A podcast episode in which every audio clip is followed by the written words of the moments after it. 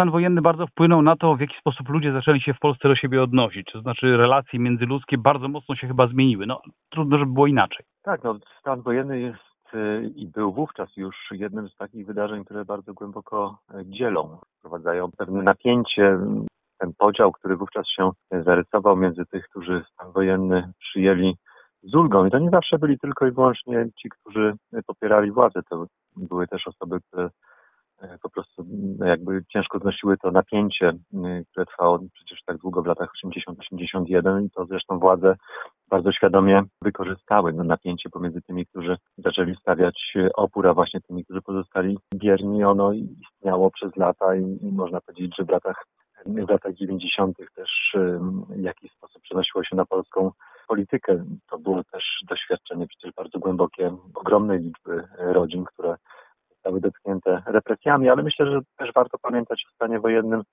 nie tylko jakby z tej perspektywy podziałów, ale też czasie solidarności ponad wszystko. Co pan ma na myśli? No bo zamysł, zamysł był taki, żeby wprowadzić, zrobić porządek, jak to ta grupa, ale to o to zaraz osobno będę pytał.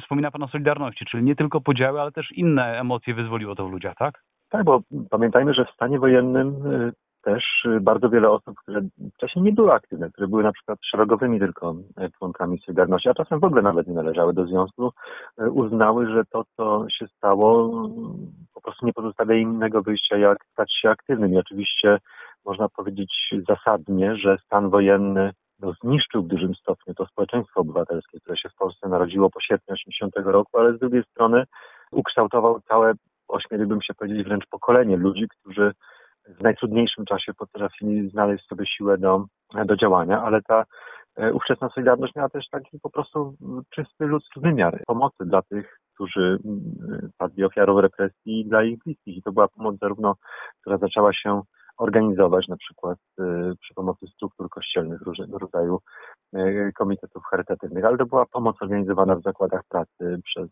po prostu tych, którzy dobrze znali, pracowali razem z tymi, którzy byli represjonowani przez sąsiadów, także... Zwyczajna międzyludzka czasami też to poruszyło ludzi w pewnym sensie.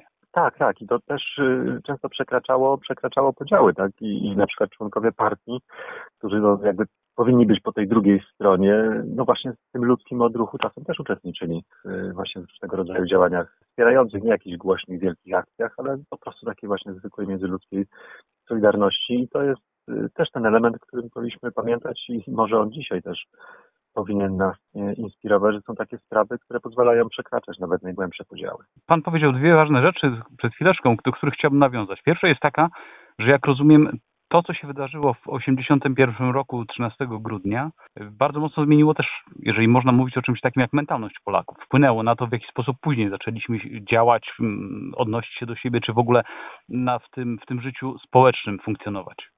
Tak, tylko że no to ma, no niestety ten medal ma dwie, ma dwie strony. Tak? Jedna to jest ta, ta pozytywna, czyli ukształtowanie jakby pewnej grupy ludzi, którzy wówczas działali w bardzo trudnych warunkach i, i często do dziś są aktywni w życiu E, w życiu publicznym, niekoniecznie w polityce, tak, ale także w działalności społecznej. Natomiast na masową skalę, no niestety, e, stan wojenny przekreślił to wielkie zaangażowanie Polaków, którzy no, w 80 roku uwierzyli, że nie tylko można coś e, zmienić w kraju, ale też warto się w to zaangażować w ten proces, warto nawet podjąć jakieś może ryzyko i warto być aktywnym. Jeśli dzisiaj mówimy, że no, Polska jest między jednym z krajów w Europie, który ma najniższy stopień mm, zaangażowania takiego właśnie obywatelskiego w różnego rodzaju e, organizacjach, e, jeśli mamy no jednak niski na tle innych poziom frekwencji wyborczej i niestety on rośnie tylko wtedy, kiedy jest już bardzo silny, bardzo silny spór, a nie wtedy, kiedy na przykład